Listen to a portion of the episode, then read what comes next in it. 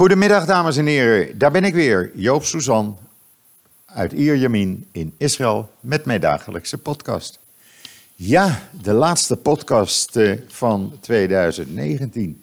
Toch een beetje een raar gevoel eigenlijk. Alhoewel, hier in Israël eh, merken we natuurlijk niets van, eh, van oud en nieuw. Ja, het Joodse nieuwjaar wordt hier gevierd, maar dan op een andere manier altijd in oktober, september. Ehm, nee, er zijn wat privéparties eh, in hotels of bij mensen thuis, maar iedereen werkt morgen. Scholen zijn gewoon aan.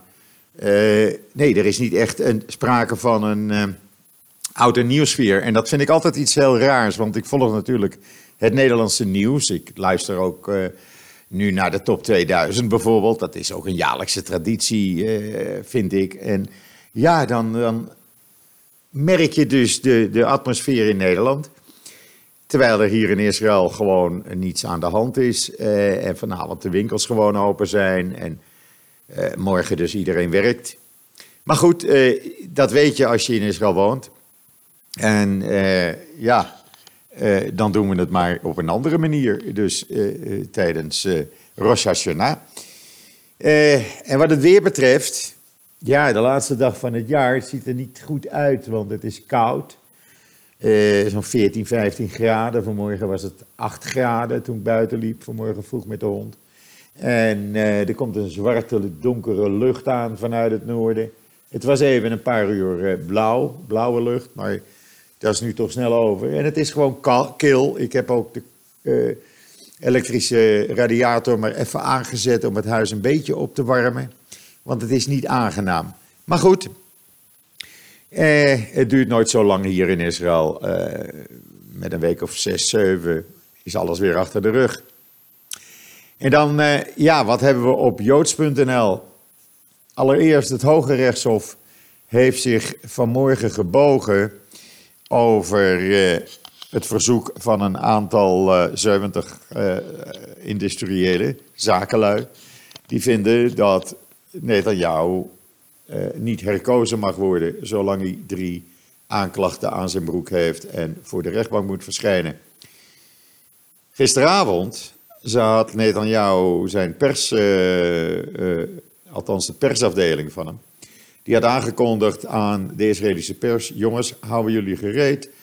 Om acht uur komen wij, of komt Netanyahu met een verklaring. Nou, iedereen wist natuurlijk, of ging er ook vanuit dat dat zou zijn vanwege zijn aanvraag voor immuniteit, die hij voor morgenavond moet hebben ingediend. Maar een kwartier later eh, werd eh, die hele eh, oproep alweer teniet gedaan en er werd er gezegd, nee, er komt toch niets. Mogelijk wilde Netanyahu de rechters van het Hoge Rechtshof, Supreme Court hier in Israël, niet, voor, niet boos maken. En dacht hij van, weet je wat, laat ik het maar op dinsdag doen. De verwachting is dan ook dat hij vandaag of vanavond met een verklaring zal komen waarin hij immuniteit aan de Knesset gaat vragen. Nou, in ieder geval het Hoge Rechtshof heeft eh, gezegd, ja, luister, eh, het is nu niet het moment om ons over die vraag eh, te buigen of Netanyahu een nieuwe regering mag vormen en weer premier kan worden met die aanklachten aan zijn broek. Daar eh, wachten we liever even mee totdat de verkiezingen zijn geweest en kijken wat dan de realiteit is. Ja, is ook een manier natuurlijk. Eh, dus de verwachting is dat Netanyahu dus vanavond, eh, in ieder geval voor morgenavond, immuniteit aan de Knesset gaat aanvragen. Dat betekent een enorme vertraging, want het betekent namelijk dat er, er is geen Knesset, die is ontbonden. De Knesset komt er pas weer na de verkiezingen van 2 maart. Dan moet er een comité benoemd worden. Betekent dat al die maanden, zeg maar tot april, mei, er geen rechtszaken tegen Netanyahu konden, kunnen worden begonnen. Eh, er kan niets worden gedaan, want zo, zo slim is hij natuurlijk wel. En is er weer vertraging. Hopend dat hij dan van de nieuwe Knesset immuniteit gaat krijgen, alhoewel dat helemaal niet zeker is. En het is ook niet zeker eh, of hij de verkiezingen gaat winnen natuurlijk. Maar zo blijft hij proberen om de zaak te traineren, om vertragingen in te bouwen. En eh, ja, eh, eh, ja, zeg maar toch een, een beetje het recht dwars zitten. Dat blijkt ook uit de enquête. Ik had u dat gisteren al gezegd, dat 51% van de Israëli's op dit moment tegen immuniteit is. Uh, als dat zo blijft, dan ziet het er niet goed uit voor Netanyahu met de verkiezingen. Maar goed, we zullen zien wat er de komende weken gaat gebeuren. In ieder geval, zoals ik gisteren ook al zei, we hebben al een, ruim een jaar geen parlement, geen werkend parlement. Alles wordt ad hoc gedaan. Er wordt geld gestrooid naar allerlei instellingen, organisaties, zonder dat er enige parlementaire, parlementaire controle op is. En dat is natuurlijk geen goede zaak. Maar dan even het andere nieuws op joods.nl, want gisteren is er een bijzonder emotioneel verhaal op joods.nl verschenen. Als u het nog niet gezien heeft, zoek het even op. Het gaat over een geïsoleerde Nederlandse Holocaust-overlevende die in Canada woont en daar moederziel alleen was tijdens Hanukkah. Dat kwam ter oren van de Gabat. En die zijn naar het gehucht Gulp uh, in Canada gegaan, waar Hella Bergeron, maar haar eigen naam, of haar Nederlandse naam is Hella Cohen, 96 jaar oud, geboren in Rotterdam die was moederziel alleen in een uh, uh, verpleegtehuis daar. Totdat een rabbijn van Chabad on campus, dat is een studentenrabbijn, dat hoorde. En die is daar naartoe gegaan. En die ging één avond de kaarsjes met haar aansteken. Het is bijzonder ontroerend als je dit ziet. Het is echt zo mooi. Hij had latkes meegenomen. En dat werd een, eh, een hele emotionele Chanukka voor deze 96-jarige vrouw. Uh, het is bijzonder mooi dat dit gebeurt en bijzonder dat het ook, uh, ook kan.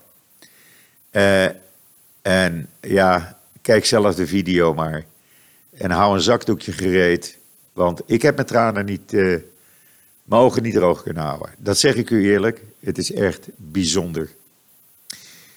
En dan, ja, het antisemitisme in New York. Het loopt echt, het, het, het loopt de spuigaten uit. Het is echt verschrikkelijk.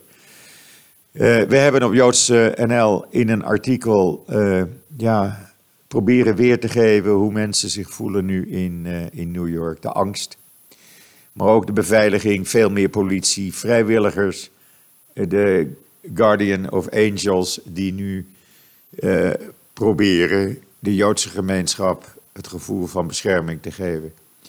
Er zijn Joden, Joodse uh, orthodoxe Joden nu in New York, maar ook in andere plaatsen in Amerika, die met Oezies rondlopen. Het is echt, het is, het is te gek voor woorden. We hebben een compilatie op, uh, in dat artikel gezet van een aantal van die antisemitische aanvallen van dit jaar in Brooklyn. Uh, de buurt waar Joden zich altijd veilig konden voelen. Maar als je dat ziet, is het hartverscheurend. Het is echt niet normaal. Zoals het antisemitisme in Amerika, met name in New York, hand over hand toeneemt. Ik zou u aanraden Lees het artikel en bekijk de beelden. Uh, ja, en dan hebben we onze vaste columnist, columnist Rob Fransman.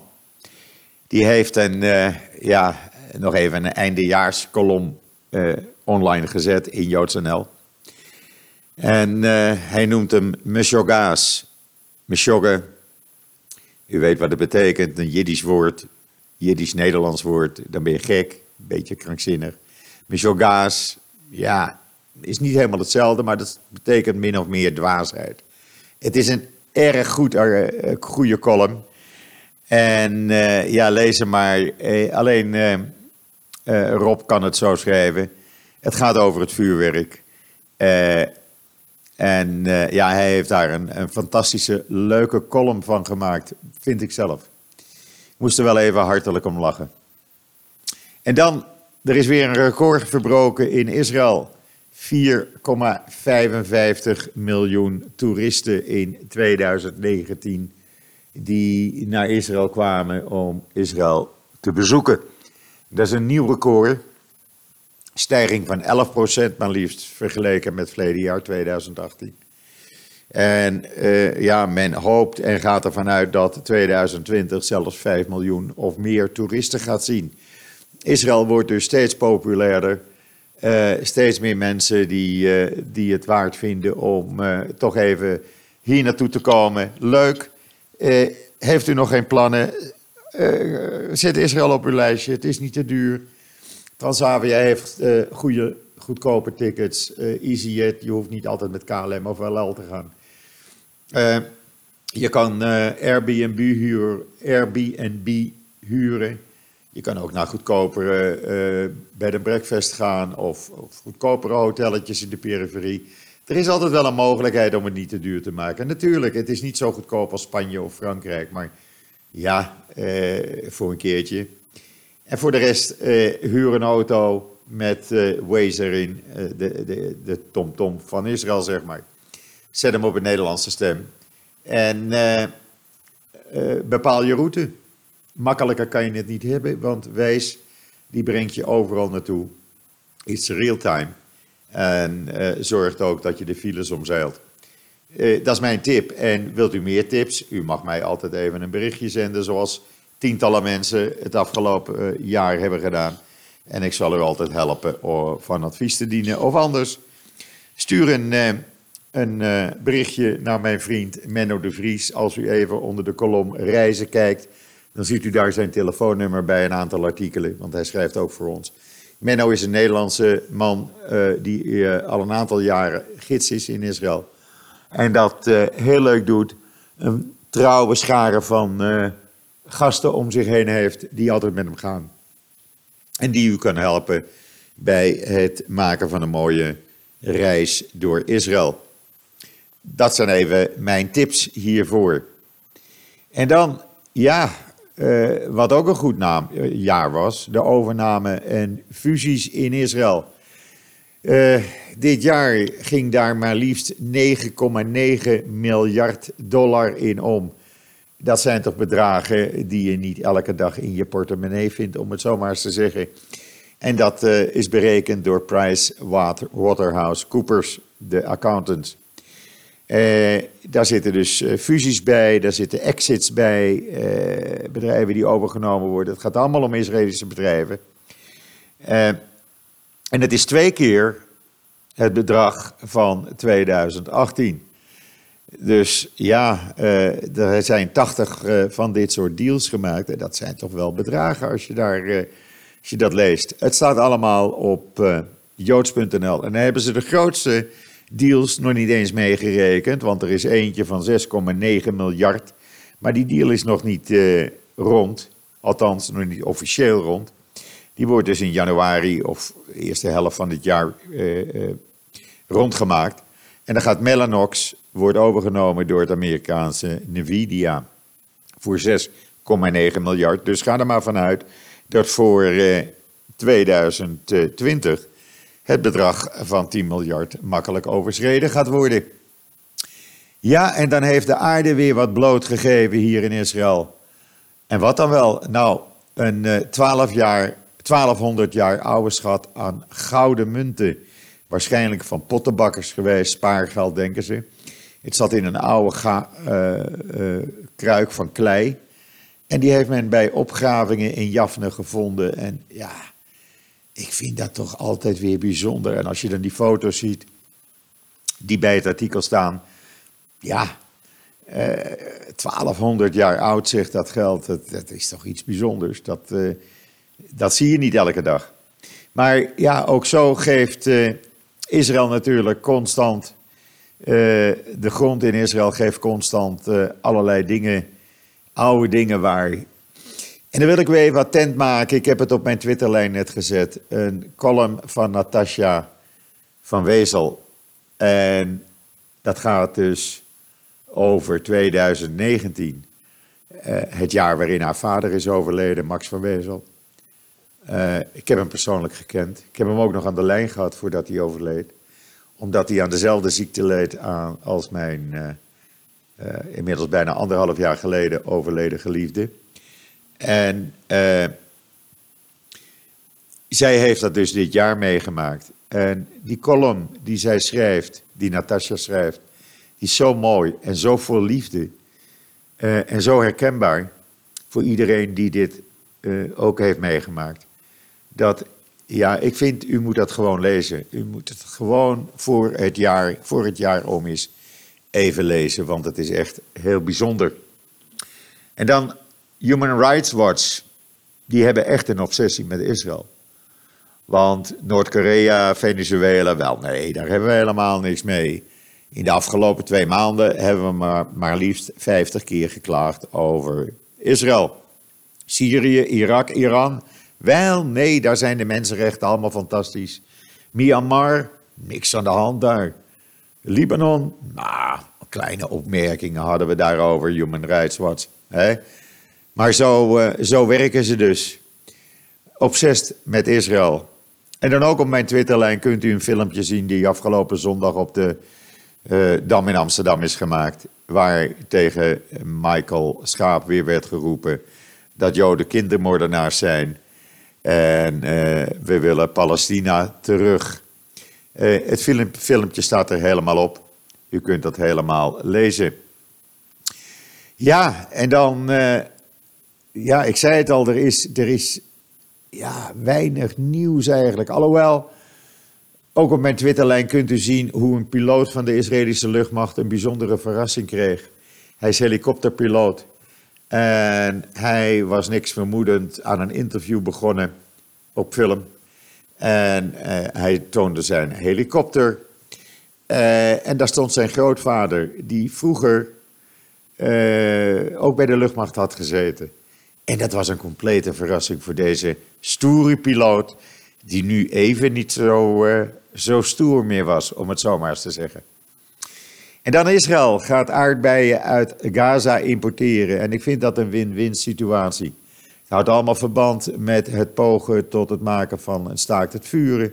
Nou, de Palestijnse tuinders die krijgen dan uh, wat meer inkomsten, want Israëli's zijn gek op aardbeien. En de prijzen van aardbeien in de Israëlische supermarkten en winkels gaat naar beneden, want er, is genoeg aanvoer. Uh, ja, dan heb je een win-win situatie. En dan is meneer Abbas weer eens kwaad. Ja, er gaat geen dag voorbij of er is altijd wel iemand kwaad bij die Palestijnen, maar nu meneer Abbas. Want die zegt, ja, ik vind dat helemaal niet, niet goed wat Israël doet. Proberen het leven voor de inwoners van Gaza makkelijk te maken. Terwijl uh, mijn belastinggeld wordt inge ingehouden door Israël omdat ik terroristen betaal.